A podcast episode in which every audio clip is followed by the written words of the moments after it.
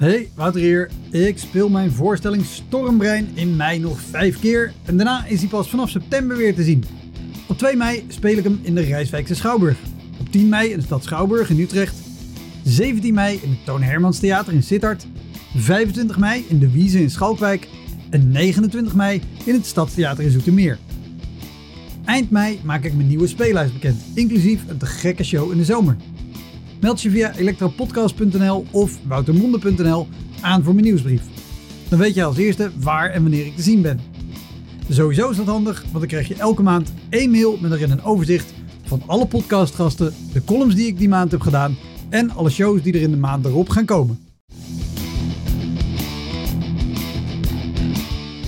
Welkom, mijn naam is Wouter Monde. Dit is de Elektra Podcast. Een podcast waarin ik met collega's herinneringen ophaal aan shows die ze liever waren vergeten. Genoemd naar het roemruchte jongerencentrum Elektra in Sliedrecht, dat ooit bekend stond als de comedy hell.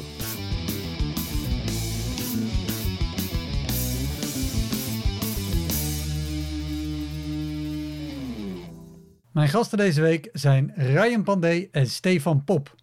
Ze maken samen de podcast voor de show en ze zijn los van elkaar actief als comedian. Ze treden op door het hele land in comedy shows en Ryan toert ook met zijn eigen avondvullende voorstellingen.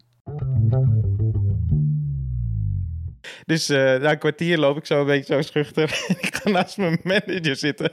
Ik kijk hem aan en hij kijkt mij en hij zegt... was niet zo goed. en toen dacht ik, jezus. Je had wel eventjes gewoon één veer in kunnen steken, toch? Jongen, jongen. Ryan en Stefan maken samen ook Clickbait, een sketchprogramma voor NPO 3. En de sketches daarvan vind je ook op YouTube en op social media. De eerste paar minuten van dit gesprek was mijn microfoon een beetje vernacheld, dus dat klinkt wat raarder, maar dat wordt al snel opgelost. Voor de crewmembers is er ook nog een half uur bonusmateriaal beschikbaar via de exclusieve podcast. Wil jij dat ook kunnen luisteren? Ga dan naar petje.af elektrapodcast. Heel veel plezier! Dit is de Elektra Podcast met Ryan Pandey en Stefan Pop.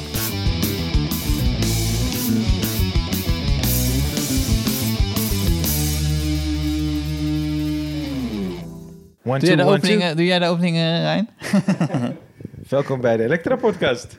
Deze week hebben Stefan en ik uh, Wouter Ik dacht dat Elektra. Ik denk dat het was Elektra, toch? Niet Elektro. Elektra zei ik toch? Elektra. Oh ja, ik dacht dat je Elektro zei, sorry. Oh, jij zei Elektro. Ik zei Elektro? Oh, weet ik niet. Oh, is, kut. Weet je wat vervelend is? Mensen kunnen het gewoon gaan terugluisteren. Ja. En dan weten ze gewoon meteen... Weten, maar wij weten het niet. Wij weten het niet. Iedereen die eruit je zei gewoon Elektra. Ja, ja, ja Oh, sorry. Ja. Nou. Maar uh, wel wat gelijk. Heeft een van jullie ooit nog in Elektra gespeeld? Nee man. Jij? Nee. Nee, nou, uh, wees nee, mij niet. Nee. Want? Het, het, het, was een jongen. Zit het wantrouwen? Ja. Want? Hoezo? Wie wilde het? Mijn huis uit. Alle twee. Wil je niks meer over horen? nee, het was een jongerencentrum in Sliedrecht. Ah. Waar heel veel comedy is georganiseerd en cabaret. Ook al echt vanaf jaren 2000. Er zijn ook vroeger try-outs geweest van uh, kameretten. Ja. En heel veel mensen hebben er dus ooit wel op een manier gespeeld. Maar het was een notoir rampzalige plek om te staan. Jij hebt er wel ja. gespeeld. Ik heb er ooit in Hij boekte het. 11 of 12 volgens mij uh, een- gewoon een line-up show gedaan. Nou, ik heb er nooit gespeeld. Maar heb je wel vergelijkbare Nou. shows gedaan? Zo jongerencentrum? Ja, ja, zeker. Oh, dat was, ik heb één keertje met Omar Ahadaf. Ja. Ja. dat is fucking ver, man. Ik hij op een bus? Hè? Staat hij op een bus? Dat dat zijn joke? Ja, ja, ik weet het. Nee, eh, ik weet niet waar. eh, was het ook? Het was wel een jongerencentrum. En toen, eh, het was fucking ver, man. Ik denk ergens voorbij in Nijmegen of zo. En toen kwamen we daar, buurthuis, jongerencentrum. Ik dacht, what the fuck, man. Want je had kinderen, echt jonge kinderen, en hele oude mensen. En toen zei Omar, dat, hij gaf echt de beste tip ooit. Ja. In het slechtste Nederlands ooit. en toen wees hij zo naar je ziel zo. Je moet van hier spelen. Je moet eh, voelen. Voel, voel die zaal en ga dan gewoon spelen. En dat is precies wat hij deed. En dat deed hij zo vet. En toen zei hij, je moet in het moment zijn eigenlijk. Gewoon vibe. Pak die vibe, speel hier en vertrouw op jezelf. Maar dat was zo vet en dat werkte. Eigenlijk door Omar is dat goed gegaan toen. Oké. Ja. Maar dan, dan sta je in zo'n gaar jongerencentrum met allemaal kinderen. Wat, Ja. wat, als hij zegt voel, voel de zaal, wat voel je op zo'n moment? Want dat is niet per se dat je denkt, ik voel dat dit een hele leuke show Ik wordt. voelde dat ik naar huis moest. nee, maar hij, hij zei eigenlijk een beetje vertrouw op jezelf. En voel gewoon de vibe die er is. En ga daarmee. Dus niet, ga niet ongemakkelijk worden. Heel snel spelen, rustig. Doe gewoon je eigen ding. Vertrouw op je eigen ding. En ze gaan wel mee met jou. Maar dat gebeurde ook wel. Want ze waren rustig. Ik dacht aan het begin, in het begin natuurlijk, dit wordt een eh hels kabaal. Ja. Maar dat viel dus ook mee. Ze hadden wel respect. eh, En Omar ging als eerst. En ze gingen gewoon met Omar mee. was leuk. Oké. Ja. Maar heb je niet dat je... Nu, nu ben ik wat ouder dan vroeger. Heel veel mensen hebben dat. Dat is, En, eh. Maar toen ging... Dus toen, toen trad ik wel eens op... eh, ook met een dubbel... Had ik een dubbel met Kees. Zo'n Kees van Amstel. Kees van Amstel. Ja. Ja. En in eh, Noord-Holland. Ik weet niet meer waar het was. Maar het was niet Oost-Volendam, maar het was een soort, soort Oost-Volendam. Zo groot. Ergens op een boerderij eh, waar ze dan dronken. En dan hadden ze, een schu- en dan hadden ze ook comedy. Wij zitten zo boven. En Kees, die baalde toen zo erg dat we daar moesten optreden. En toen snapte ik het niet. Maar hij was natuurlijk begin 40, misschien Ja. mid 40. En ik was denk ik 22 of zo. Je 22 is bent, boeit het gewoon niet zo waar je Nee. optreedt, weet je. Als ik nu zeg maar echt, echt op zo'n kutplek, echt zo'n zo'n zo'n kate, Ga je weg. nou ga ik niet weg. Oh. Zou ik wel balen. Zoals, ja, maar hij ging ook niet weg toen hij met mij daar was. Ik zou Ah, nog ja. steeds wel Nee, spelen. je baalde niet zo erg. Maar het was meer dat hij dan... ehm, ja, hij, hij trok dat heel slecht. En ik weet nog wel dat ik het niet helemaal snapte. Terwijl overal... eh, stond zo Stefan Plop en Kees van Amstel dubbel aankomende zaterdag. Mhm. En daar hadden ze overal Plop van gemaakt. Er stond overal Stefan Plop. Hij was erbij geschreven. Als de L erbij geschreven. Ja, ja. Lach, jongen. Lach, dat vond ze hilarisch. ja. Dus uh, nee, toen kwamen ze. Heb je dat gezien? Heb je dat gezien? Wat we de wc hebben gedaan? Ik denk zo, ja, ik heb gezien. Plop. En ja, toen- nee, ik snap het. Je was nog niet aan het balen. Nee, dit was na de show dat ze me Oh, dit dat zeiden. ja, Oké. Maar, goed, het is, maar meer dan je denkt zo bij jezelf... Ja, maar Pop is al best wel een grappige achternaam, toch? Je hoeft niet... Plop is niet heel veel grappiger dan, Ja. toch? Stefan Plop? Ja, ja, Stefan Plop. Stefan Plopkap? Deed je die ook? Ja, wat? Probeer een beetje die doelgroep weer te bereiken. Nee, ik, ik moest een keertje met eh, het Comedy Café. Want, eh, dat, is, het- dat is het fijne aan het Comedy Café. Je hebt ook wel eens eh, optredens. wij hebben een keer een optreden. Toen was je echt. Toen zag ik je voor de tweede of derde keer spelen.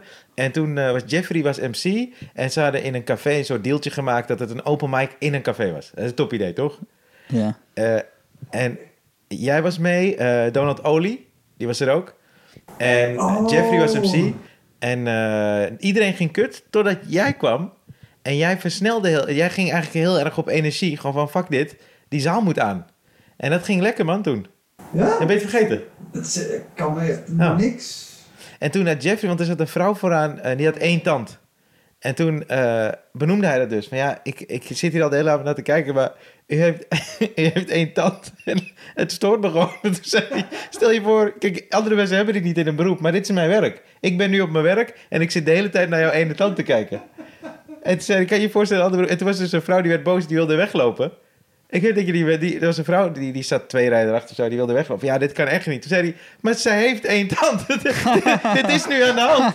En toen zei hij, plus, deze mevrouw lacht nu ook met haar ene tand. Dus waar maak jij je druk op? En toen zei ze, ja, maar ik ga naar huis. Zei ja, je kan naar huis gaan, maar dit is aan de hand. Plus, zij vinden het niet erg, ik vind het niet erg. Dus waar maak jij je druk op? Maar ik weet toen nog, het ging echt goed, man. Dat was, eh, was tof. Ik vind Comedy Café dus een hele toffe leerschool, omdat ik altijd van comedies uit Amerika las of hoorde dat ze zo de stront zijn gegaan op allemaal optredens. En op de een of andere manier eh, kreeg Comedy Café, die kreeg dat heel goed voor elkaar als het om locatie, op locatie optredens ging. Oh ja, ja, ja. En er, ja, er was ja. een keer een gast die had een eh, discotheek. Shit, dat was in de buurt van eh, bij Zeeland ergens. Goes volgens mij.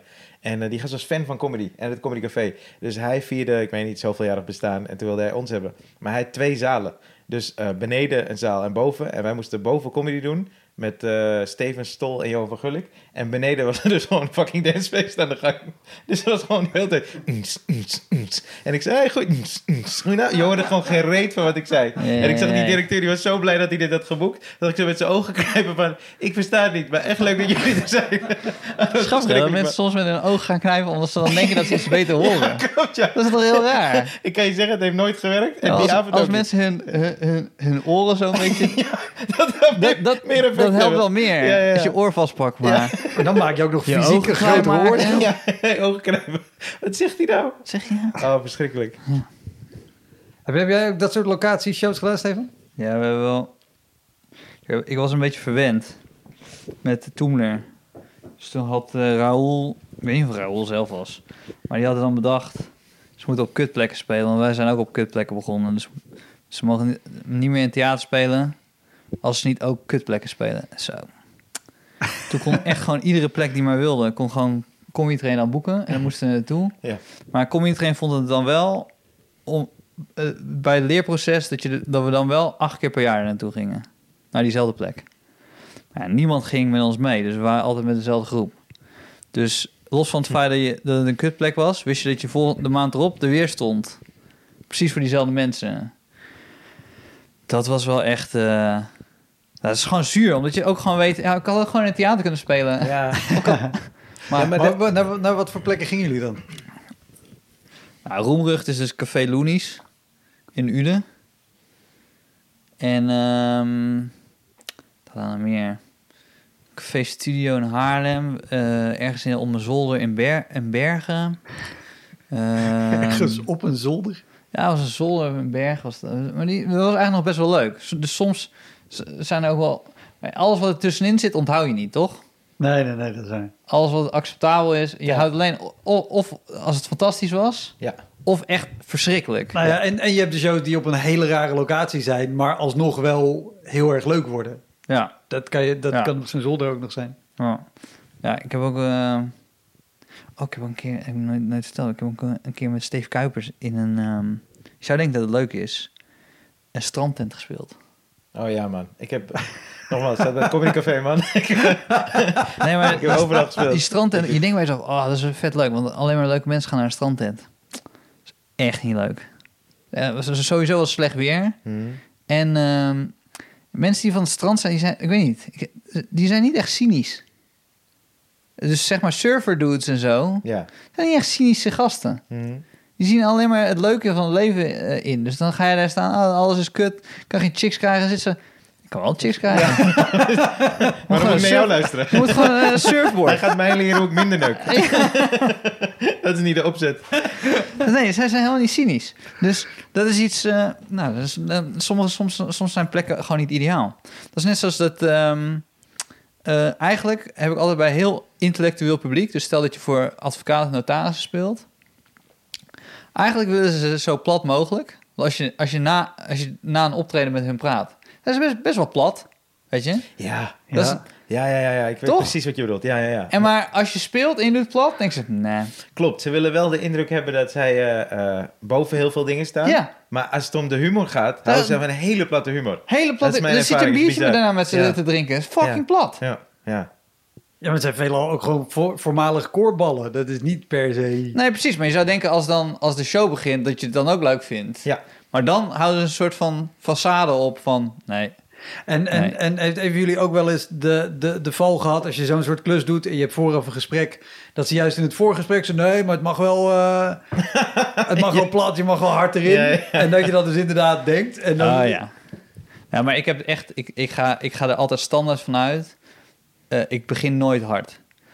Maar meer om de reden dat ik dan weet dat ik die, vers- die versnelling nog heb. Ja. Want als je meteen hard begint, denk ik ook bij mezelf... Ja, maar dan kan je alleen maar terug versnellen. Of vertragen. ze- eh, hoe zeg je dat als je niet versnelt? Ja, ja, ja. Dat is vertragen. Ja, maar je zegt nooit dat je, als je van z'n vijf naar z'n vier gaat, ik vertraag naar z'n vier, toch? Ja, dan schakel je terug. Scha- oh ja, schakel je Ja. terug. Nee, maar de- nog, nog niet eens of je, of je per se begint en al direct met gestrekt been erin gaat. Maar wel dat je, weet je, je komt op zo'n punt aan en je denkt, oké, nou, jullie wilden grof of plat. Hier krijg je het. En dat je dan zo, oh, oh, nee. Toch niet? Ja, ik, ik, ik heb een eh, optreden voor jou gedaan. Weet je nog, toen werd je vader volgens mij. Dat was, eh, weet je dat nog? Was het eh, december? Wat? Eh, ja, weet je dat niet meer? Voor mij? Ja, voor jou in de plaats. Oh ja. Dat was bij het, eh, naast, Ja. naast, naast het. Ik had een sch- maar ik doe, ik doe, wat moet je wel weten, ik doe bijna geen snabbels. Dus had ik een snabbel. Was dat een verjaardag of zo was het? Eh, ze vierden iets van het bedrijf. Dat is een klein bedrijf. Ah, of oké. afdeling van het bedrijf. En jij eh, zou vader worden. Dus Ja. volgens mij was het ook zo. Ze hadden mij als een soort van optie. Ik wil het expres wel doen. Eén keer in de twee maanden is een soort van een regel dat ik dan zo'n bedrijfsding aanneem. Omdat ik me dan uitdaag. En dan, als ik dan in het theater ben, denk ik... Ah ja, dit is heel fijn. Toch? Dus dat je dan zo'n bedrijfsklus erachter komt. Oh, dit is heel lastig. En dan voelt het een soort warm Maar bad was wel, weer... volgens mij was het een goed betaalde klus. Ja, je hebt hem niet gedaan. Weet je wat het was namelijk? Want, want eh, ja, het was volgens mij de 25 september. En Dat is Fieke- september. Ja, dat was september. Vorig, vorig september was Ja. het.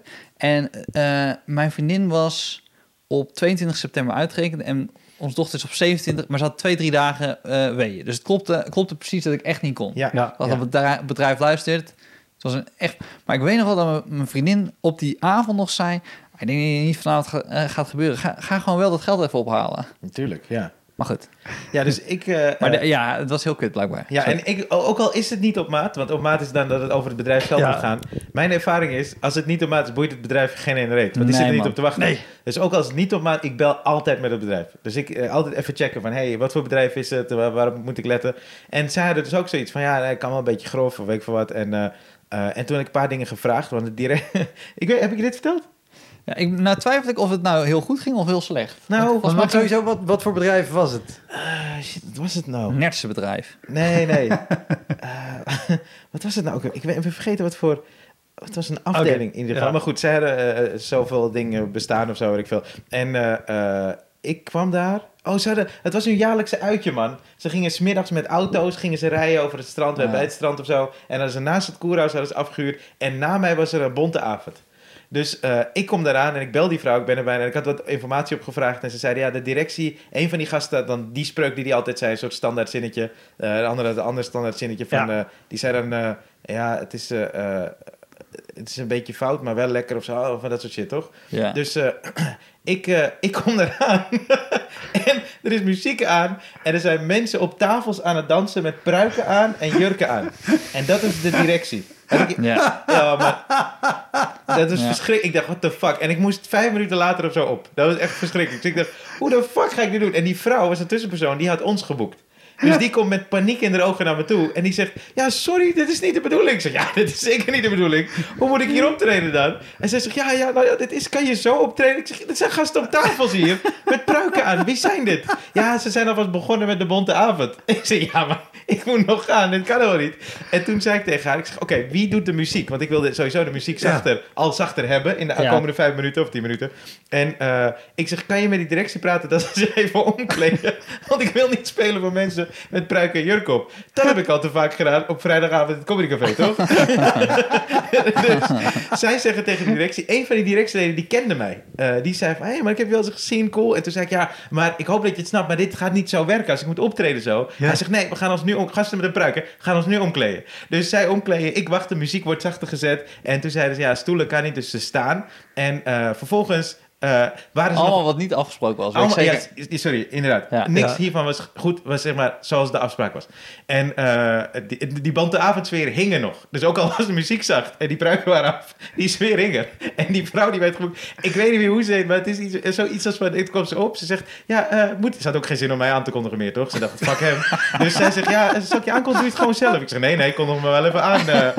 En toen kwam ze zo staan en zo knikken. Ja, ik ben, eh, volgens mij was het iets van Eveline Spruit. En je hoort zo ineens hey, je ziet er lekker uit! En ik dacht, oh, sorry. Ik moet er binnen een minuut moet ik daar staan. Dus ik dacht, godverdomme, maar ik maakte me echt... Ik, als ik me nou boos maak, oké, maar dan gaan we er ook helemaal voor. Dus ik, eh, bijna woest liep ik het podium op. En ik had echt een soort houding van, als je je bek open doet, maak ik je helemaal kapot. Dus ik eh, ging staan, één gast die zei ja, maar hou je bek. En iedereen zo. Dit is comedy. Maar ik dacht, ik moet ze even eerst nog wel stil krijgen. En toen begon ik dus, en ik kreeg ze een beetje, maar niet echt. En toen zei ik iets tegen een vrouw, zo'n Colombiaanse vrouw die daar werkte. En die was echt, was echt een knappe vrouw. Dus ik zei, hey, maar jij bent echt lekker. En toen sluchtte ze weer helemaal. Zo, "Eh, wat zegt hij nou over die vrouw? Kan dit wel? Dit is heel raar. Dat zeg je toch niet tegen onze collega dat ze lekker is? En toen zei ik, ja, ja weet je, misschien klinkt dit wel fout, maar Een beetje fout is wel lekker, of niet? En toen wees ik naar die directie die daar stond. En die dachten, oh, hij heeft informatie over ons. Wat vet. En toen waren ze helemaal om. Oh, wat Ja, man. Ja, dus daarom is het handig om altijd shit te weten van het bedrijf. Ja, ja, had ik ja. nog zo'n soort stomme slogan. Die, die maakte ik op een gegeven moment ook. Toen, waren ze zo, toen, toen gingen ze helemaal, waren ze helemaal mee. Omdat ze dachten, oh, deze gast is helemaal, voor, is helemaal voorbereid. dus het ging uiteindelijk wel goed, gelukkig. eh. Maar doodsangst toen ik eraan kwam. Dus zie maar, soms, eh, soms als je mij boekt, krijg je rijden dan misschien. ja, als jij Als je een slecht gevoel, als je slecht gevoel hebt, dan, eh, dan zeg je dat ik weer een kind krijg. Ja, maar dat is wel met een bedrijfsding. Heb je dat ook niet? En jij ook? Heb je vaak bedrijfsoptredens gedaan? Laatste tijd niet meer. Maar het maakt ook niet uit hoeveel je ervoor krijgt. Als het kut is, voelt het zo kut, man. Dat is Oh. met elk optreden, toch? Het doet pijn in je ziel, man. Hmm. Ja. nou, ik, ik bedoel, ik heb niet heel veel eh, snabbels gedaan. Mhm. Maar ja, er zijn echt wel bedra- bedragen waarbij je dan denkt, nou, het zal wel. Toch? Ja, het toch Ja, wel- dat wel. Maar ik, ik vind wel... Hoeveel geld je er ook voor krijgt... Je gaat er wel met een bepaald gevoel van weg... als het, als het echt een kutshow is. Ik heb meer heen dan terug. Terug maakt me echt niks meer uit. Ah, ja. Nee? Dan denk ik echt bij mezelf, nou, dit eh, is gedaan. En eh, weer door. Ik had een keer een optreden... Heen wel, heen wel. Zit je wel van, ah, waarom, moet, waarom moet ik dit doen? Ik hoef dit helemaal niet te Ja, doen. ja, ik wil dit precies. niet doen. Nou, toen ik eraan kwam, had ik dat echt... eh, ik heb een keer op- opgetreden voor eh, Orange Babies. Je Ja, dat? dit heb ik je die ook verteld. gedaan? Dit heb ik verteld. Eh, Nee, maar ja, goed, vertel maar. goed doel. Goed doel, eh, ja, ja. Toch voor, voor eh, moeders, zieke moeders in Afrika? Ja, het is Afrika en, eh, Ja. en baby's, denk ik. Dat was ook het publiek. ja. En jij ziet er lekker uit.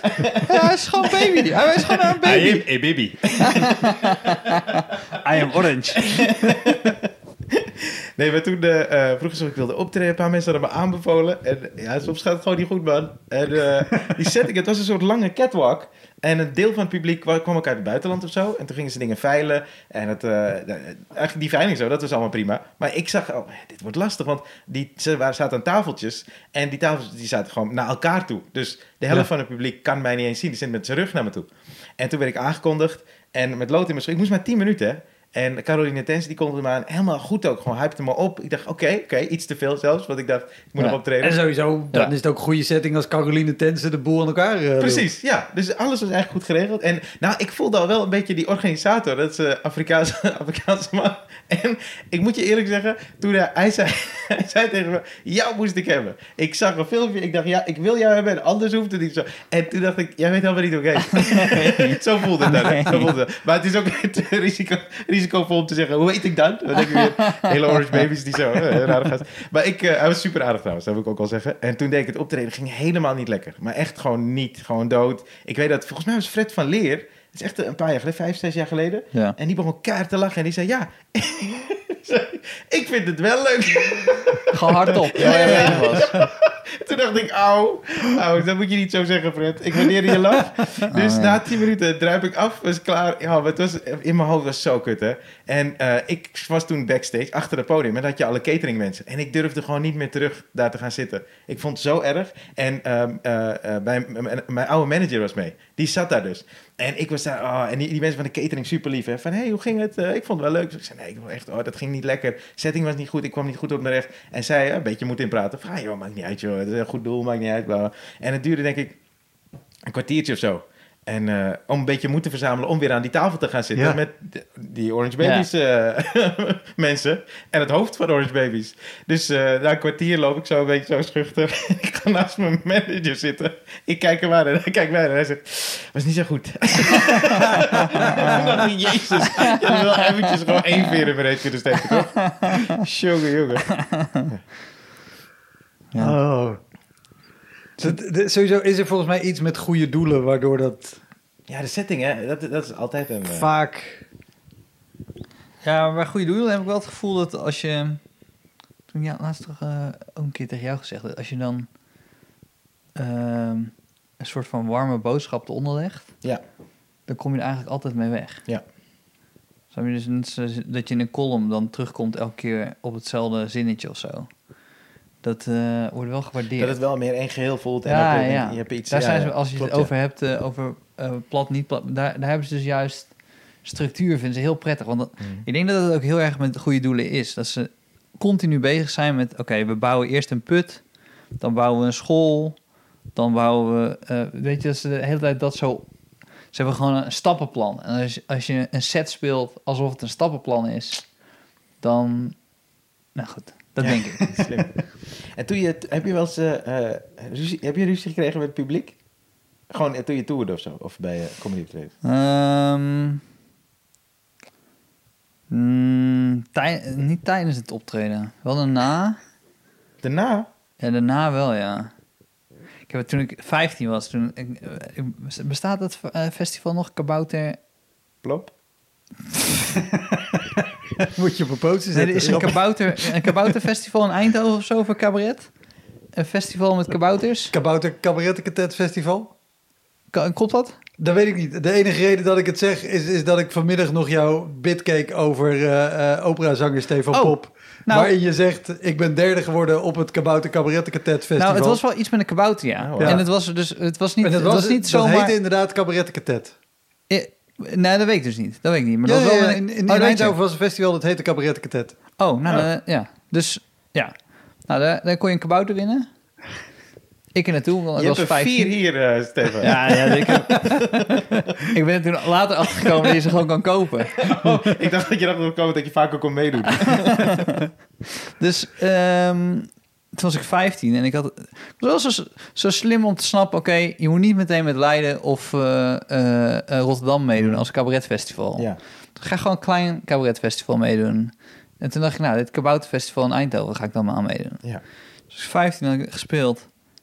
Toen kwam na de show een vrouw naar me toe, die was vet boos. En ik keek me heel boos aan en, toen- en me super laf. Toen zei ze tegen mijn zus, en die was dus 12. Je broer is zelf een kut Mongool. Wow! Terwijl ik had wel Mongool gezegd, maar ik had niet kut Mongool gezegd. Je Nee. verkeerd. Er werd- ja, maar ik denk zo, dan wordt het ineens veel heftiger gemaakt. En ik zo, ja, dat is niet heerlijk. Maar dat was de eerste keer dat ik toen dacht bij mezelf... oh ja, mensen gaan gewoon een mening hebben... Ja. nadat je, iets, nadat je geld van hun hebt Dat is gepakt. fucking 15, hè? Ja. Ja. Vond je het heel kut toen? Ehm, nou, wat ik vooral aan moest wennen... is dat ik dacht... oh ja, ze gaat dit gewoon altijd vinden. Dat vond ik het moeilijkst. Zij. Nou, niet eh, een slecht optreden dat je denkt...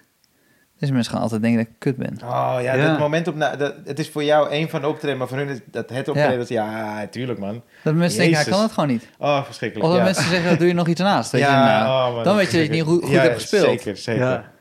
En eh, sowieso, überhaupt zeggen mensen dat te snel hoor. Doe je nog iets naast? Dat je denkt zo, jezus.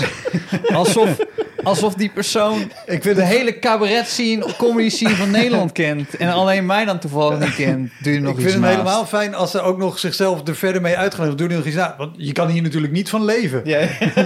Oh, is dat wat je bedoelde? Dankjewel. Oh, maar verschrikkelijk. Want, want dat vroeg me wel, omdat je zo vroeg begonnen bent. Weet je, als je, als je ouder bent en het gaat een keer kut, dan kan je nog denken... ja, oké, deze show was ruk, maar goed, morgenavond weer een.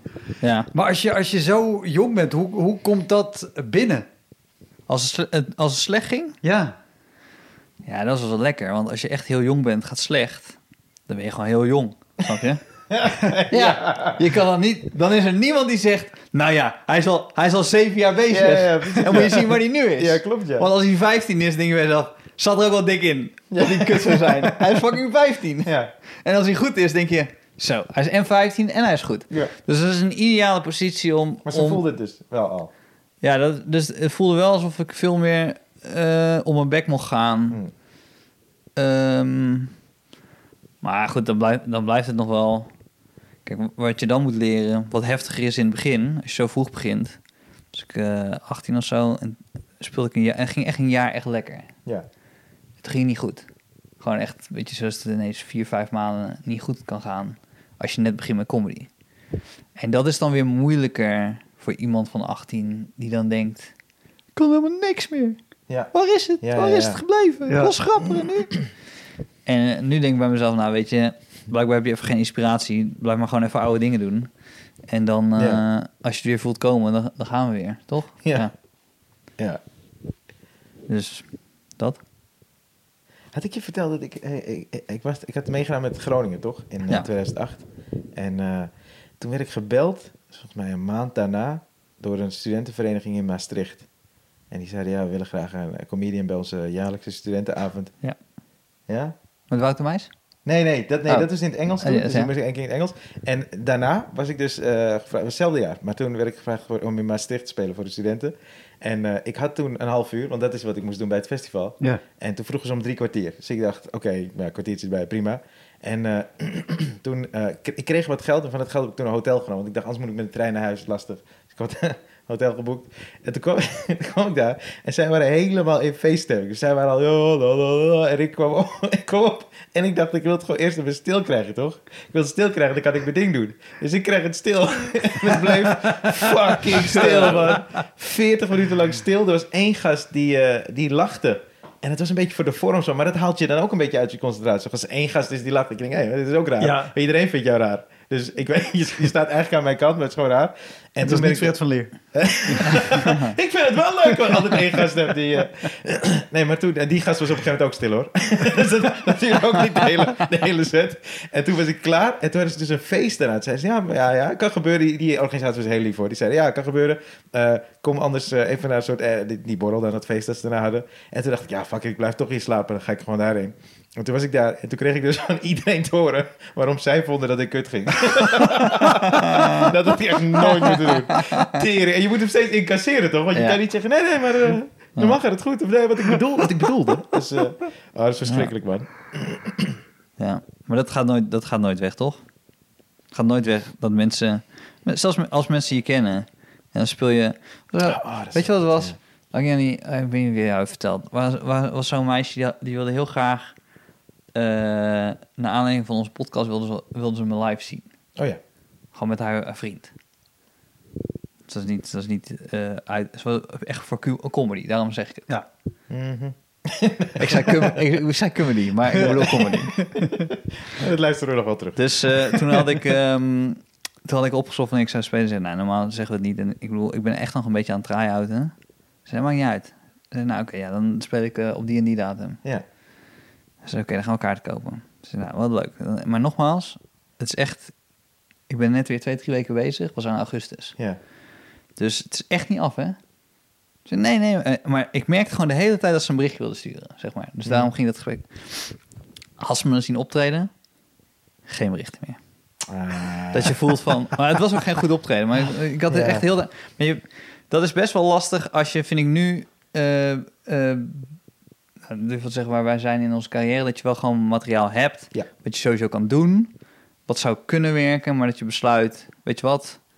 ik ga komende maand een nieuwe set bouwen... dus alles is nieuw... ik ga van de grond af... en dan gaan de eerste twee, drie weken kut... dan twee, drie weken daarna denk ik bij mezelf... oh, ik heb het... dan ben je het weer even kwijt...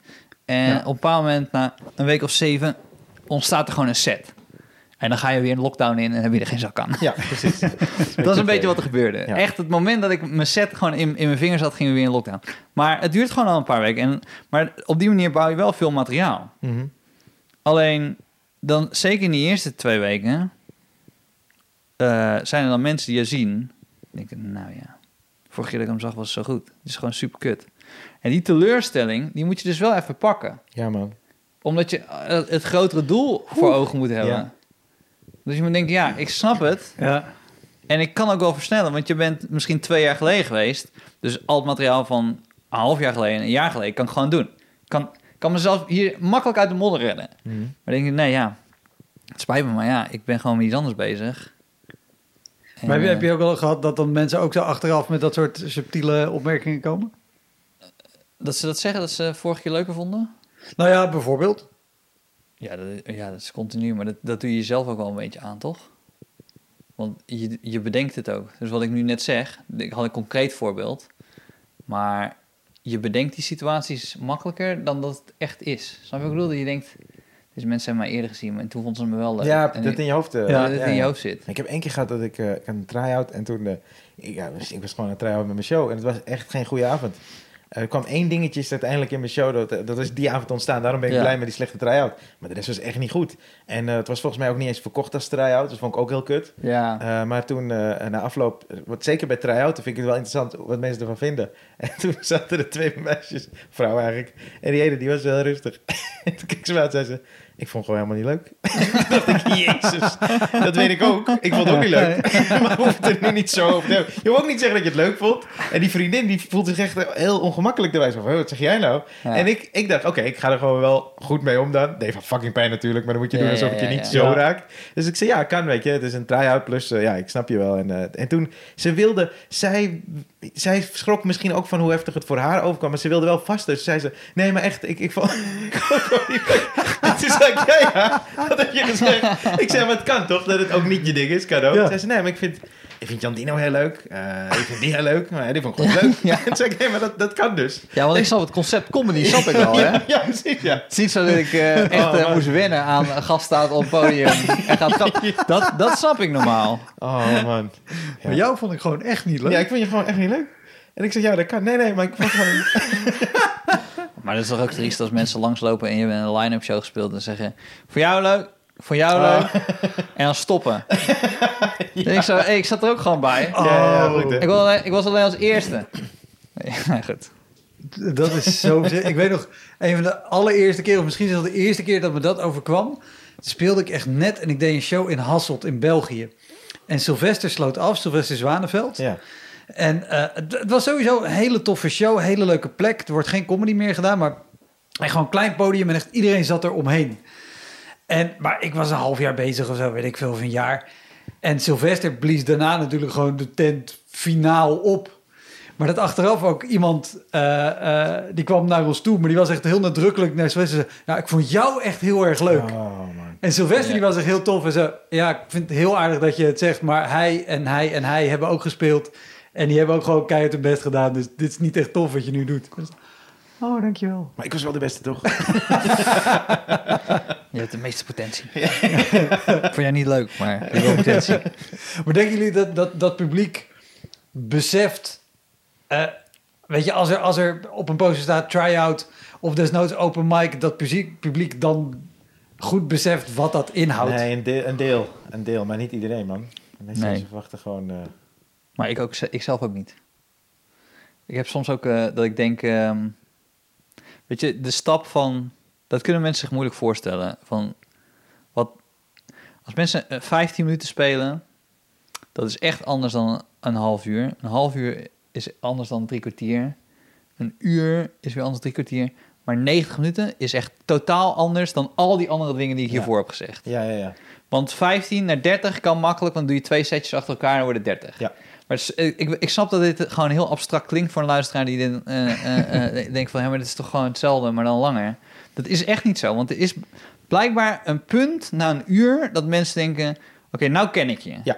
Ja. En dan is het publiek slimmer dan, eh, dan wat ze waren in het begin. Want dan hebben ze je leren kennen, je verhalen hebben dat weggegeven. En dan moet je iets doen waarbij je ze verrast, waarbij je waarschijnlijk iets hebt gedropt, ergens wat ze niet hebben gezien.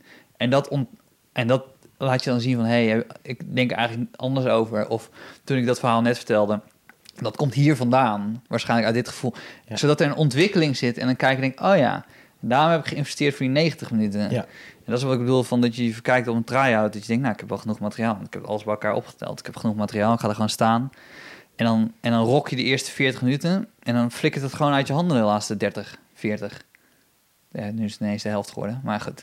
Nee, maar dat je, je begint gewoon helemaal... Je, dit gaat gewoon goed. Ja, ja, ja. En het materiaal is even goed aan het begin als aan het eind. Dus waarom zou ik het eind niet kunnen halen? Nou, dat is gewoon omdat ma- op een bepaald moment denken mensen... Nou, ik weet hoe je... Ik, ik, weet- I know how you tick.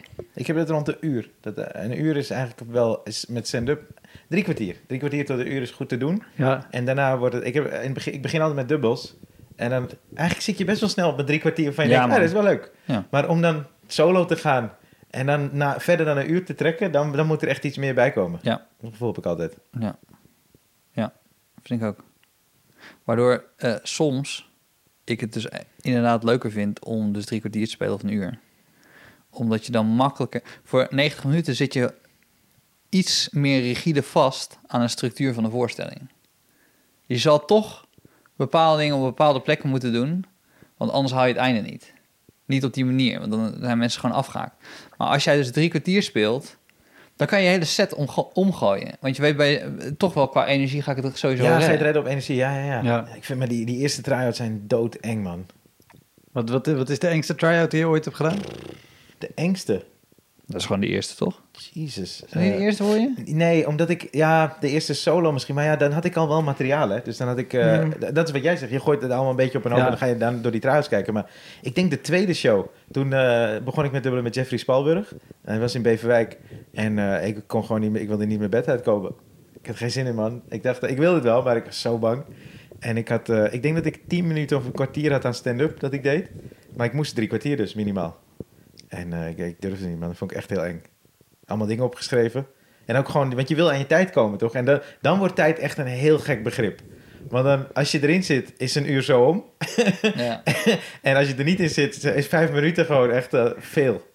Maar hoe, hoe- wat, wat heb je gedaan? Je hebt gewoon je 10 minuten materiaal gedaan en de rest... Verspreid. ik heb het serieus verspreid over, over die drie kwartier. En ik had dus wat ideeën. Maar dat is dan, dat is dan echt de voldoening van een try-out. Ik ook, Ja. Als je dan een idee hebt of ideeën waarbij je denkt... oh, misschien is dit leuk, misschien is dat leuk. En één van die drie ideeën blijkt leuk. Dat voelt al echt als winst. En dan denk je ook, oh, hier zit iets. Hier kan ik iets mee. Dus dat is echt lekker. Ja, dat is waar. Maar wel eng. Ik, ik, ik heb ook wel gehad dat je een, een try-out doet, of, of desnoods een open mic, weet je, dat je gewoon 10 minuutjes doet. Dat er twee grappen in zitten of één gedachte alleen al waar je iets van, dat je denkt, oké, maar dat, dat sloeg in ieder geval aan. Mooi, dan kan ik er... Hey, Wouter hier. Ik speel mijn voorstelling Stormbrein in mei nog vijf keer en daarna is hij pas vanaf september weer te zien. Op 2 mei speel ik hem in de Rijswijkse Schouwburg. Op 10 mei in de stad Schouwburg in Utrecht. 17 mei in het Toon Hermans Theater in Sittard. 25 mei in de Wiese in Schalkwijk. En 29 mei in het Stadstheater in Zoetermeer. Eind mei maak ik mijn nieuwe speellijst bekend, inclusief een te gekke show in de zomer. Meld je via elektropodcast.nl of woutermonde.nl aan voor mijn nieuwsbrief. Dan weet je als eerste waar en wanneer ik te zien ben. Sowieso is dat handig, want dan krijg je elke maand één mail met erin een overzicht van alle podcastgasten, de columns die ik die maand heb gedaan en alle shows die er in de maand erop gaan komen. Ja, ik vond het heel lekker bij me. eh, toen ik mijn derde show ging doen, eh, een week daarvoor ging ik naar New York. Eh, ook gewoon wegvluchten voor je angst en zo, toch? Gewoon, ja, ik wil niet dealen met die shit. dus Dan ga ik daar- ook altijd naar New York. Nee, ja, ik vind het heerlijk om daar te zijn. Ik kijk New York comedy. raak-? Ja, ik raak geïnspireerd en zo. En toen lag ik op mijn hotelkamer en toen bedacht ik... Ik dacht ineens aan een verhaal van de middelbare school. Nee, basisschool, sorry. Dat ik op kamp was naar de schoolkamp naar Terschelling. En eh, dat ik wilde schuifelen met de meisjes toen. En ik bedacht me dat ineens. En toen belde ik eh, eh, mijn vriendin op. En toen ging ik gewoon try-out aan de telefoon. Zo, want ik zei, hey, hoe gaat het aan het doen? En ik fietste dat verhaal dus. En zij moest lachen. En toen ik op, toen dacht ik, wacht eens even. Heb ik nou tien minuutjes erbij voor mijn try-out volgende week? En toen belde ik mijn beste vriend. En toen had ik al wat grappen erbij bedacht. En toen had ik dus gewoon best wel strakke tien minuten al. En bij die try-out heb ik gedaan. En dat blokje is, is wel iets gegroeid nog verder. Maar ik had dus wel een soort vertrouwen van, oh, dit is een goed blokje al. Ja, ja, ja. Is lekker, man. ja. Dus zo kon ik ook try-outen. Dat is een nieuwe manier die ik heb gevonden. Ja, en wat ook, heb je dat ook? Want als je een nieuwe idee hebt en je test het... Het is ten eerste heel belangrijk op wie je test. Zeker in het begin, toch de eerste paar jaar. Want dan heb je nog niet echt Mhm. het zelfvertrouwen om in te schatten... dit is goed of niet. En eh, dat kan ze ook... Eigenlijk ook publiek. Hè? Als je voor het eerst iets probeert... eh, dan kan het goed zijn. Maar vaak gooien we toch heel veel weg. Omdat die eerste keer dacht je... Ah, dat was kut, man. Maar dat kan ook door bemmel komen, toch? Dat het gewoon kut was die avond. Maar dan gooi je gewoon shit Waarschijnlijk weg. Ja, waarschijnlijk Waarschijnlijk bemmel. Dat is trouwens wel een ding nu aan, eh, eh, aan die, deze hele coronatijd. Heb jij veel, eh, hebben jullie veel twee keer op één avond gespeeld? We hebben bij Toemler wel Nee. veel gedaan. Eh, Hm. een paar. Ja, ik heb überhaupt niet heel veel gespeeld, dus. Want ik, heb, ik, heb dus, eh, ik ben erachter gekomen dat voorheen, eh, eigenlijk wij allemaal, alle comedians en collega's, hadden een beetje, het, eh, cabaretiers, die hadden een beetje van, oh maar, eh Schaag is stug, toch? Of eh, die plek is stug, Mhm. die plek is, plek is altijd leuk. Maar ik ben er dus achter, als je twee keer op dezelfde plek speelt, is er een heel groot verschil in die twee groepen mensen die daar zitten van 30. Zeker, Absoluut. zeker de zes uur show. Ja, nou, ik moest dus om, volgens mij was het half twee en half vier op zondagmiddag in Bemmel. en toen bleek half twee de shit te zijn. en ik dacht, half twee, oh, maar dan wordt half vier in Bemmel. Wordt één groot feest. Nou, dat werd het niet, man.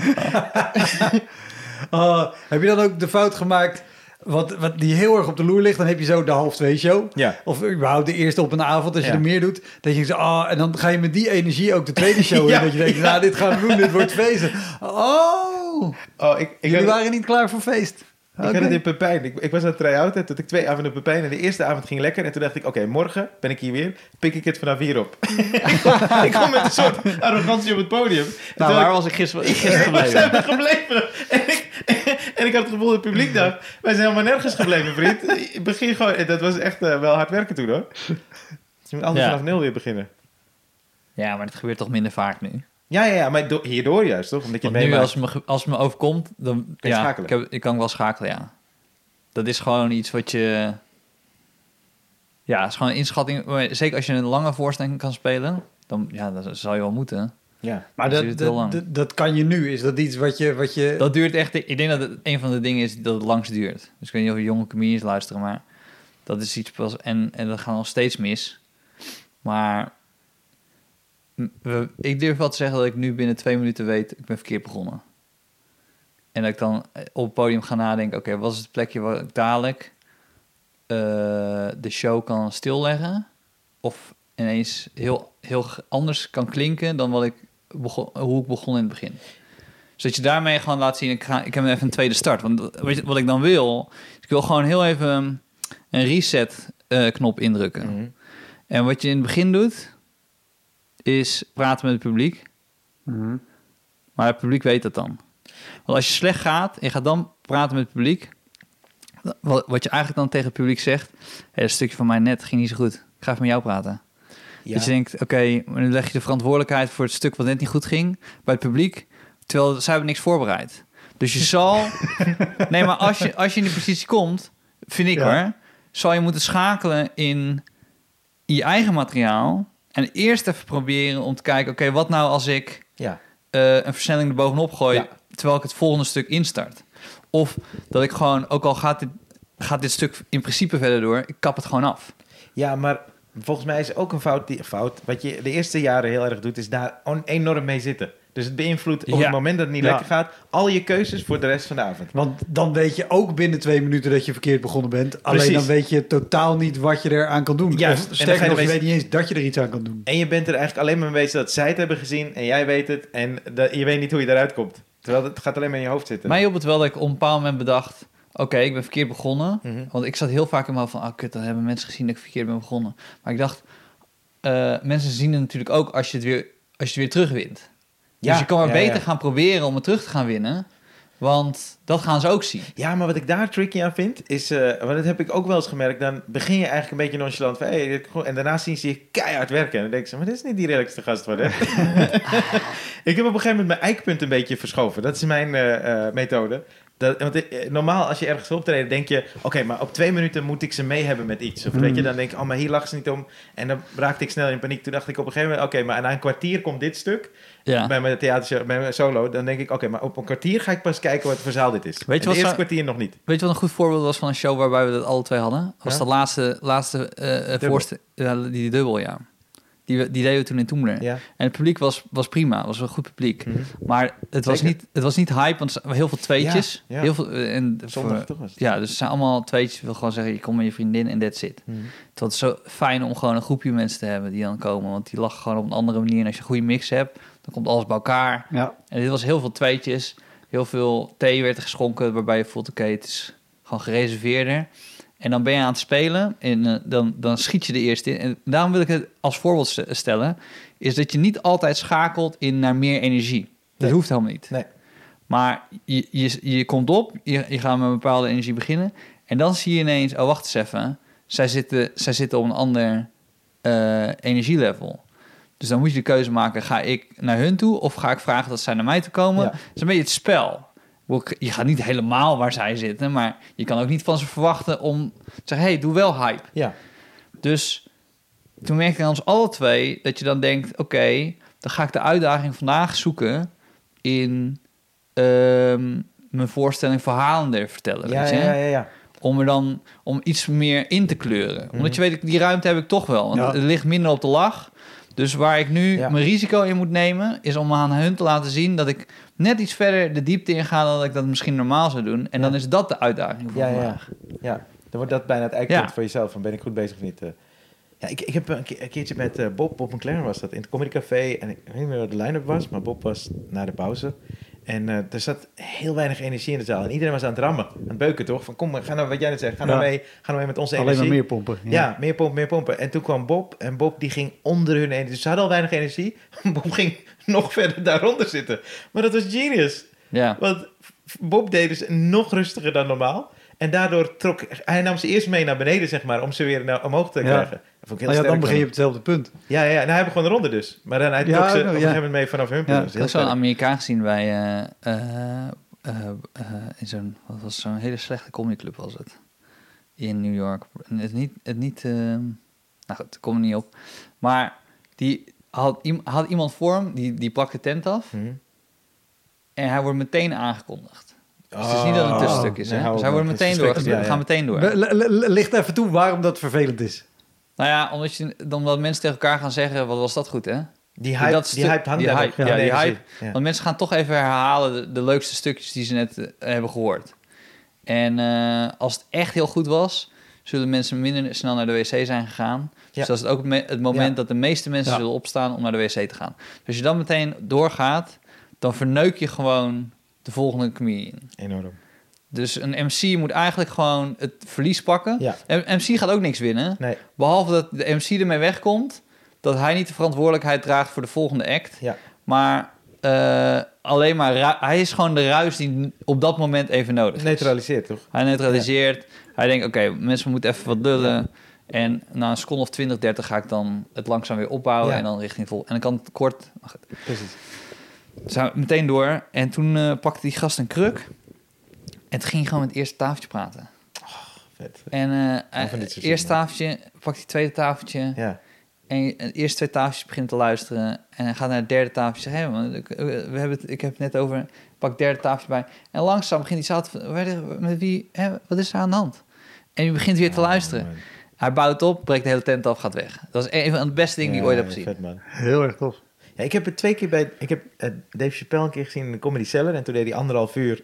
En hij was weg. En hij onaangekondigd dus. kwam hij binnenlopen. En die hele zaal dus in die vibe. Dus en hij had gerokt. Dus iedereen, what the fuck. En, what the fuck, Dave Chappelle. Oh, ja. En die MC had er, dacht, fuck it, ik ga... En die kwam op zo, hè, en die dacht, ja, fuck dit man. En hij kon de volgende aan. Maar die kon het niet meer, want die dacht Nee. Die had geen plan hierbij. Nee. Dus die zei wel even, oeh, Dave Chappelle. En toen deed hij materiaal mee. En zei, nee, maar eh, we, we hebben net Dave Chappelle gezien. Nee, dat hoeft niet. Ja. Dat is awkward. Maar toen heb ik hem vorig jaar december gezien. Eh, rond de kerst was dat. En toen kwam hij... De show... Je moet buiten wachten, toch? Bij de Comedy Cellar. Ben je wel eens Ja, geweest? ja. En het was dus eh hartje winter. En eh, die laat, ene laatste show liep uit. Dus dat is op een gegeven moment één uur geweest, s'nachts.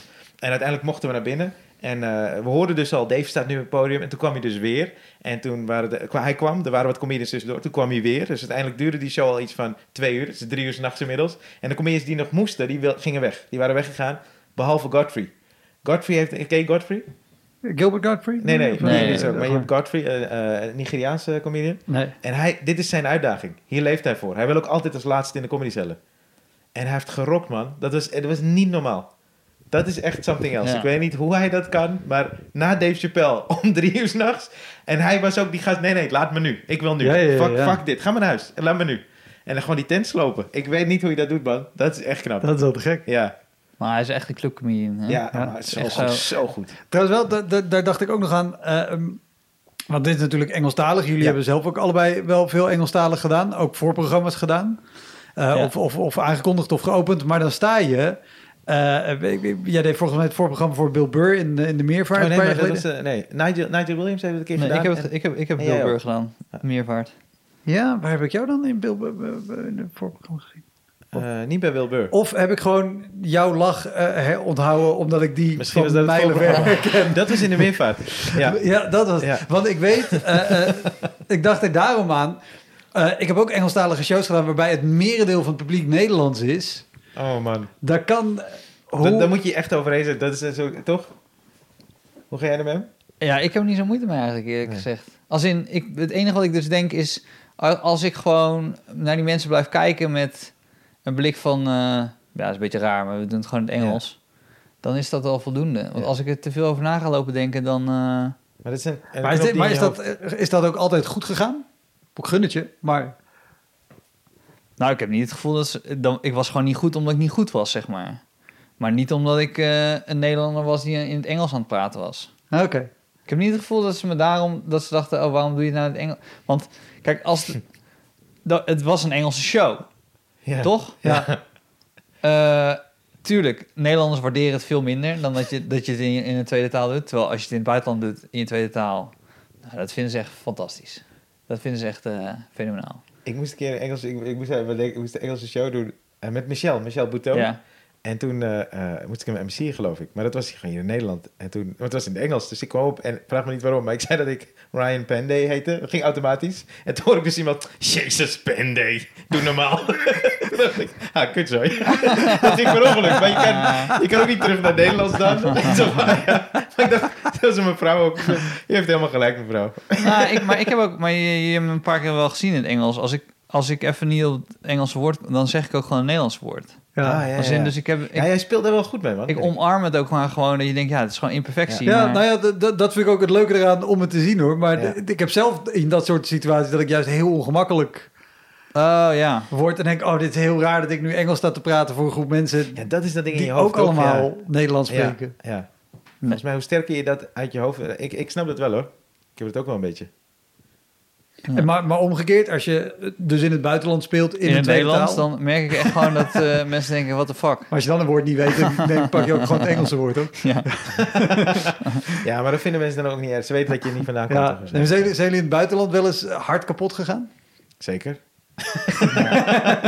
Ik had een keer dat ik, eh had ik de hele tijd gespeeld voor, eh, ik spe- speelde in San Francisco, had je zo BYOB.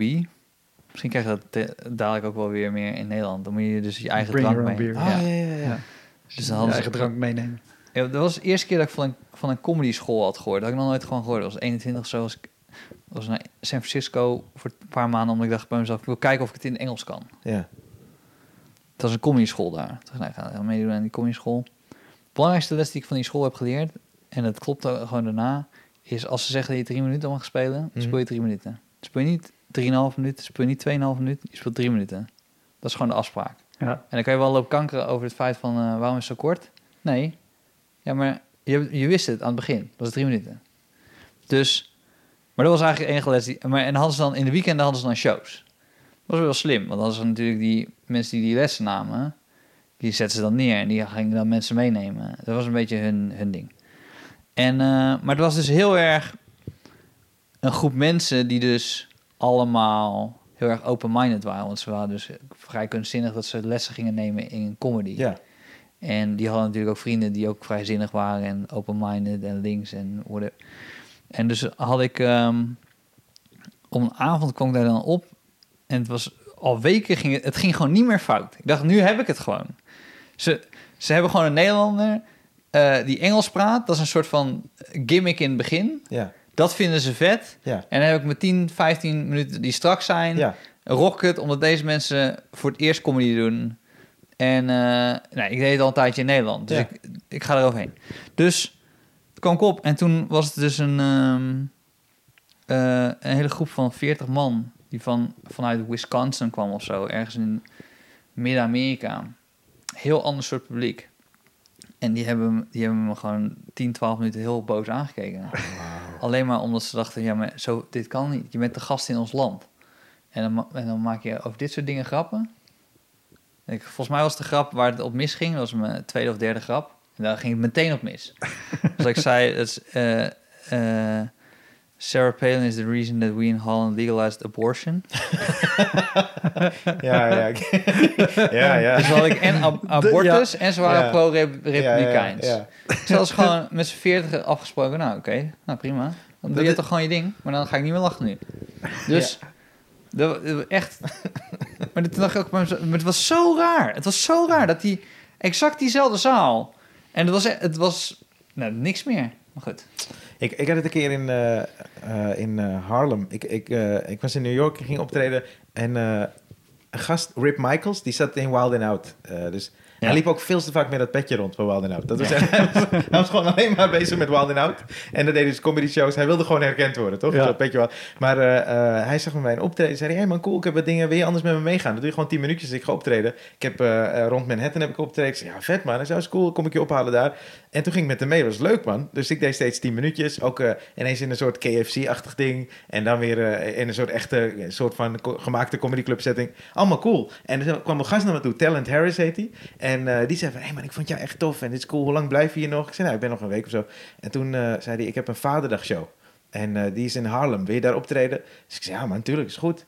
En ik, ik vond het sowieso cool. Dus, eh, maar hij, hij bracht het al twijfelachtig, toch? Dus dat je eigenlijk... Het is iets van, serieus, je wilde heel graag optreden. Dus daar voelde ik aan van, wat is de hand? Ik wil optreden, toch? Dus hij geeft zijn, eh, zijn nummer. Hij zegt, nee, mijn nummer. En eh, ja, als je je bedenkt... Dat, zei er ook op. Ja, dat was geen goede pitch van hem.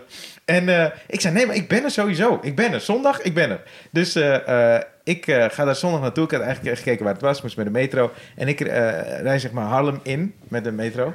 En, en die gast die, die sms't me. Van, hé, hey, ik, kom niet, ik kom niet meer. Want Tell It Harris, het was zijn comedy show voor Vaderdag. En hij zegt, ik kom niet meer. Veel succes. Dus ik zeg, what the fuck? Ik zeg, maar ik ken helemaal niemand daar. En het was best wel diep in Harlem. Dus eh, een deel is, eh, eh, is, is best wel gen- gentrified. Dit deel niet. Dus ik kwam bij, bij zo'n buurthuis en ik kijk zo naar binnen. Ik zie op de muur zo geschilderd eh, eh, Martin Luther King en Malcolm X. Het was, de rest oogde gewoon ghetto. Het was echt gewoon, oké, je bent nu in een deel van de ghetto van Harlem. En eh, die gast die zei "Hey, wat kom je doen? Zo, zo halve bouncer of zo. En er zaten iets van zes mensen binnen. En ik zeg, ja, we komen optreden. Talent, die komt niet meer. En hij wist het ook niet. Hij zegt, Talent komt niet meer. oké. En die gast, ik had hem trouwens gegoogeld. Hij is een soort underground comedian die al jaren bezig is. En, en die iedereen wel een soort van respecteert in die underground. Dus zij zeiden, oké, maar en nu dan? Ik zeg, ja, en nu dan? Dat weet ik veel. En toen eh, was ik aan het wachten. Toen kwam er nog een gast die ook een soort open micer was. En die zei, ja, kom voor de comedy show. Ik zou tien minuutjes doen. En eh, die gast zei, oké, oké. Dus wij zijn met z'n tweeën. En het duurde even, duurde even. Eh, ni- niemand anders komt langs. En toen zei eh soort van bounce, van, oké, maar dan moeten jullie twee het met z'n tweeën doen. Zei ik, hoe lang moet die show duren? Zei hij, een uur. Toen zei ik, oké, hij heeft tien, ik heb vijf. Dus ik, weet- ik weet niet of jij vijf- een goede 45 hebt. en eh, volgens mij, is- we moesten echt net beginnen. En er komt ineens een gast uit een bus. En die zei, ja, I'm here, let's start the show. Hij was de MC. Dus nou, ik denk, ik, iets van acht mensen, ik weet niet hoeveel mensen, maar echt weinig in ieder geval, voor het buurthuis. En eh, ik was de eerste. Dus die MC komt op, doet grappen van Chris Rock, die iedereen kent. Dus ja, dus dat was kut. En hij deed ze ook niet goed. Dus geen sfeer. En hij zegt, hier is Ryan, weet ik veel. En ik loop op, gewoon nul lach. En toen kwam, ik deed dus eigenlijk een beetje hetzelfde. Ik had een grap toen, dat was toen met mijn relatie. Ik had zeven jaar relatie. Toen zei ik, het wordt nu ook verfilmd. Seven Years a Slave. En ik deed die dus in Harlem, in de ghetto. En ik zag twee mensen ook naar elkaar kijken van... "Uh, did he just? Zo van, oh no, we don't do that here, boe boe. Zo keken ze me aan. En toen was het echt klaar. Dus ik was al klaar. En toen heb ik het nog klaarder gemaakt dan het dan kon zijn. Oh man. En toen liep ik van het podium. Het was verschrikkelijk man. Was echt, echt verschrikkelijk. Jesus. Soms denk, je, denk je juist wel de, de, de, de zaal te lezen. Mhm. En Ja. doe je dan expres die keuze. En dan blijkt dat dus niet zo. Ik bedoel, dat is wel grappig dat we het er net over hadden. Ehm zodat je het verkeerd leest. Ik had een. Bij, kennen jullie Spank in. Edinburgh? Ja, het, het is een late night show tijdens het eh, Fringe Festival. Dus een maand lang comedy Oh, en ja. allerlei dingen in Edinburgh. En je Ja. hebt Spank. Dat begint om 12 uur volgens mij. Dat Ja. duurt meestal een uur of drie. En het zijn eigenlijk korte showcases van mensen die, die hun eigen shows hebben. Die komen 10, 15 minuten doen. Maar het is, het is een hele toffe show, maar ook heel erg rumoerig. Er wordt heel veel gezopen. Eh, en het ding is ook op het moment dat de presentator of wie dan ook eigenlijk Spank noemt, de, de titel Ja. van de show, dat iedereen, het hele publiek roept, we love it, of Ja. you love it, ik weet Ja. niet meer. Ik ben er geweest, ja. Ja, Ben geweest? maar het, het is een heftige show. Eén onderdeel van de show is ook altijd dat eh, als je iets te promoten hebt of je wil iets pluggen, dat mag, maar dan moet je op het podium komen, strippen. En als je er naakt staat, dan mag je je ding pluggen. Ja. Dat je denkt, dit doet niemand, Ja. Dit doen mensen Dit doen elke mensen. avond. Ja, Ja. ja, ja. Eh, Ja. Maar goed, d- dat is Spank. Dus toen hadden ze gevraagd of ik mee wilde doen aan Spank. ja. Of ik naakt wilde. Nee. of ik een stukje wilde, eh, wilde doen. En eh, ik was, was een paar keer geweest kijken. Het was echt rumoerig. En eh toen dacht ik, nou fuck it, ik ga, gewoon, ik ga er gewoon hard in. Dus ik ehm, het begon wel oké. En eh toen deed ik mijn, mijn Einstein joke. Dus dan een relativiteitstheorie doe ik dan. Maar ik, ik, had dus, ik heb dus ook die Duitse versie, waarin ik dan dus dan gewoon eh, eh, in, in het Duits kaart ga schreeuwen en zo. Dat is, nou, dat is wel echt iets voor die gasten, weet je. Verspank. Ja. Echt iets voor spank. Dat zou je denken. Ja. Ja. Dus eh, ik doe het zo. Zo muis stil ineens. En toen had ik, eh, er was er een terreuraanslag geweest. Had, had ik daar wat grap over. Ik dacht nou, dat is gewoon spank, weet je. We gaan... En toen ik kreeg ze echt zo boe. Ik kreeg zo boe. En, eh, en dan zei ik zo spank. Dan moesten ze zeggen, I love it. I love it. Dat moest dan. En dat was dus, dat was een beetje mijn lol toen geworden. hè. En, maar hoe eh, zeiden ze dat dan? Een beetje mompelend? I love Nee, ja, it. niet die gast die boel riep. Nee. Hij is niet zo geconditioneerd dat hij zo... spank. Ja, er was wel een ander groepje die dat dan riep. Oké. Dus op een bepaald moment was, was een groep... En toen dacht ik, oké, ik ga het gewoon... eh, ik weet niet meer precies wat ik had. Maar ik ging een kind verdrinken of zo. Zei ik zo, maar echt... Want ik had tegen het publiek gezegd... Jullie nemen alles te letterlijk, man. Dus echt, waar slaat dit nou op? Alles wat ik, wat ik vertel, denken jullie dat het echt gebeurd is. Ja. Dus nou goed, ik ben dus een kind aan het verdrinken. Oh, ja, ja, ja. en dus, dit is dus zeg maar zo'n diehard comedy eh fan groepje. Die, vinden, die gaat helemaal kapot. Die vinden het helemaal fantastisch. Maar 80% van de zaal... nee. Boe, boe, boe. maar om elke keer maar het weer te halen... riep ik dan om de zoveel minuten weer spank. en toen... Ik sloot volgens mij af van... Jullie zijn echt triest, man. Je weet echt niks van comedy. Als je, als je om half drie s'nachts... geen harde grappen kan maken... Ja. Ja, dan moet je gewoon naar huis en elkaar gaan neuken. Want dan- dan, dan komen je echt hier om andere redenen. En eh, toen- dus eh, Brad Vincent is de, eh, die doet het zijn meerdere kampen op Edinburgh. En Brad, Vin- Brad Vincent doet de Underbelly. Hij is Ah, de ja, baas van ja, de Underbelly. ja. En eh, toen ging ik naar, dus toen ging naar Brad Vincent toe. En eh, toen zei hij, eh, je was zo kut dat het goed was. Wauw. Hij zei, ja, je hebt het gewoon helemaal omarmd. Dus dan, dan is het weer oké. Ja, ja, ja. Ik, ik heb één keer in het uh, comedycafé, toen eh, was ik, ik was erheen gefietst of zo, het was lekker weer. Ik dacht, cool, ik ben daar. En Arthur zegt, hé, hey, maar wil je ook niet even spelen? Ja, is goed. Was een comedyavond. was geen goede avond. MC vond ik ook niet goed. En toen ging ik spelen. En het ging gewoon niet. En ik weet, ik ben, dit is de eerste en laatste keer dat ik het heb gedaan. En toen rond ik af, toen zei ik, hey, eh, mensen, ik was kut. eh, maar ik was niet alleen kut. toen zei ik, want de MC die straks gaat komen, die is ook echt kut. toen zei ik, en jullie allemaal, jullie zijn ook heel kut. dus we zijn allemaal kut. Maar ik vond jullie persoonlijk, ik vond jullie Oh, het kutst. toen liep ik af. Je zou denken, dat is toch bizar dat we dat gewoon dan doen, hè? ja. Het zijn mensen die geld hebben betaald. En toen kwam Martijn Koning naar me toe. Die zei, je zijn wel heel vaak kut. maar dat heb ik daarna niet meer gedaan. Ik dacht, dat kan je niet doen, man. Een preview in eh, Schiedam. En dan Oh, preview een, zei de shit. ja, was een preview in Schiedam. En dan was er dus, eh, gingen we, er kwam een nieuw, nieuw theater gingen ze openen. Daar zit Nederland nog op te wachten, om nog, nog een theater. Nou, nu wel.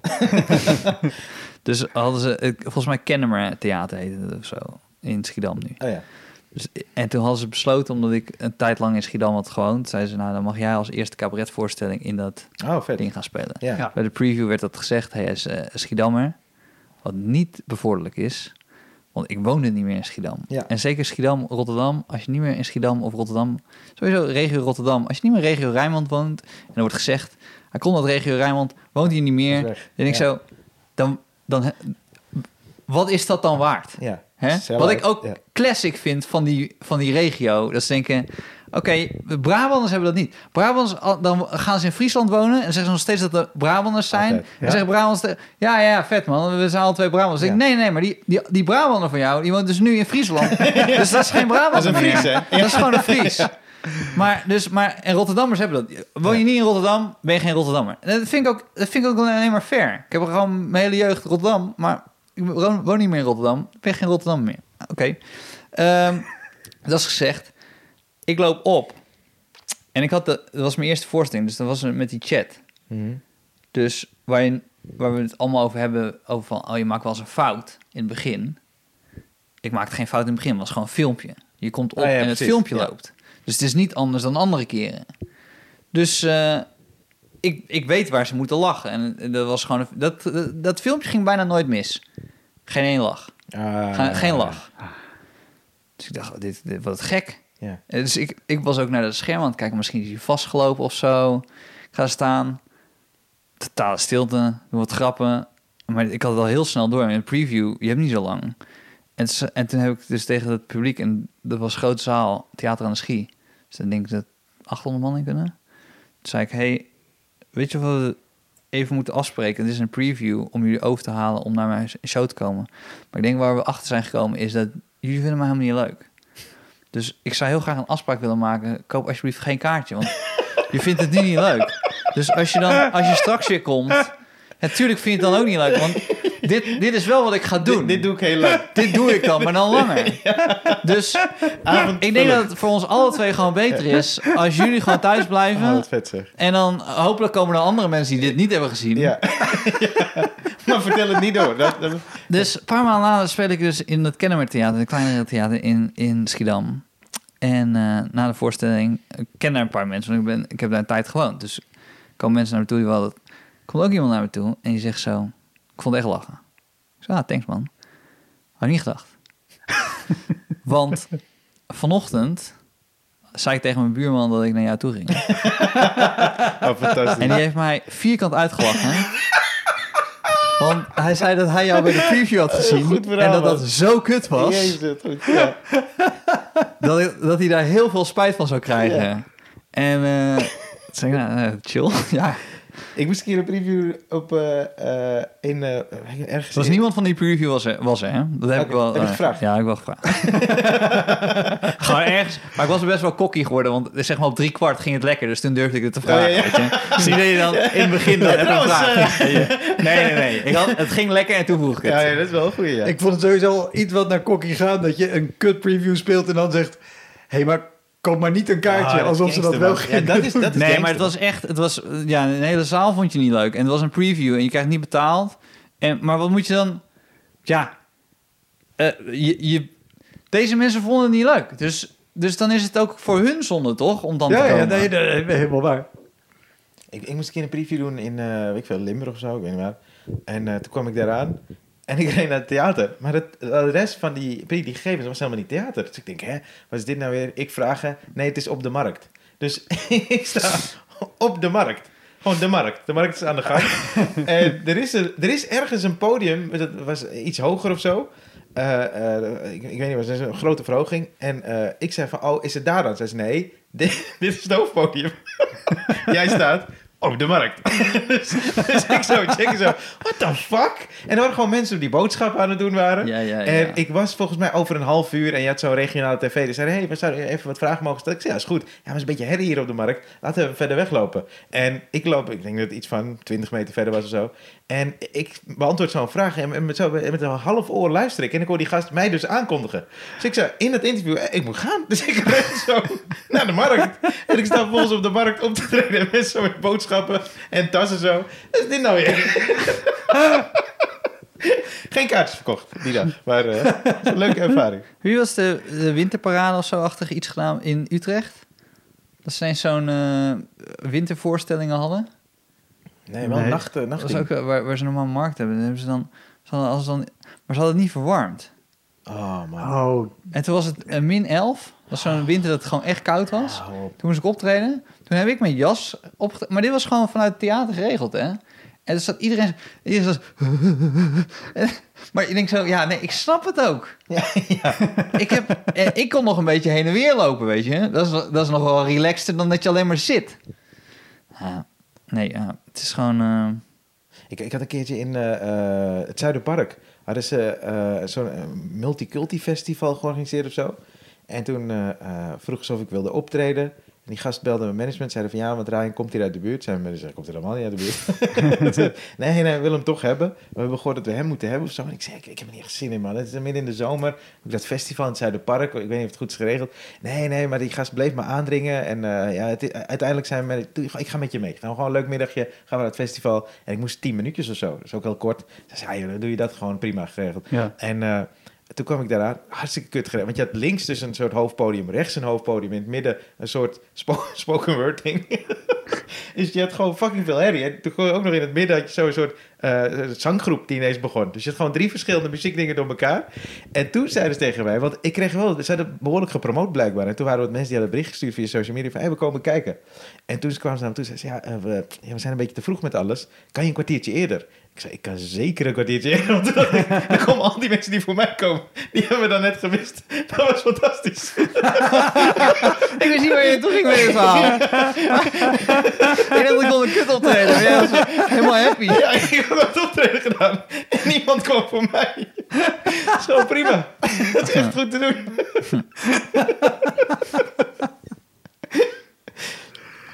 Oh, top man. Dankjewel. Jij bedankt, man. Ja. Ik eh het is even voorbij gevlogen. Dat was hem, de Elektra Podcast. Meer informatie over mijn gast van vandaag en linkjes naar van alles en nog wat vind je in de omschrijving van deze aflevering. Er staan ongelooflijk veel afleveringen online van Elektra. En op elektrapodcast.nl kan je makkelijk zoeken op de naam van jouw favoriete comedians en cabaretiers. Je kan daar ook eenmalig doneren of crewmember worden. Als crewmember betaal je maandelijks een klein bedrag, maar dan krijg je ook nog eens bonusmateriaal. Je luistert voortaan zonder onderbrekingen en je krijgt consumptiebonnen die je kan inleveren bij een show van mij. Ik vind het sowieso te gek als je een keer komt kijken bij mij. Dus ga naar woutermonde.nl, daar zie je precies waar en wanneer ik optreed. Of meld je aan voor de nieuwsbrief, dan hou ik je op die manier op de hoogte. En dan nog iets, elke vrijdagmorgen doe ik een column op radiostation Kink. Je kan die column terugluisteren als podcast. Hij heet Kink op de Week en je vindt hem in de app waar je ook deze podcast luistert. Oké, tot de volgende Elektra. Hoi!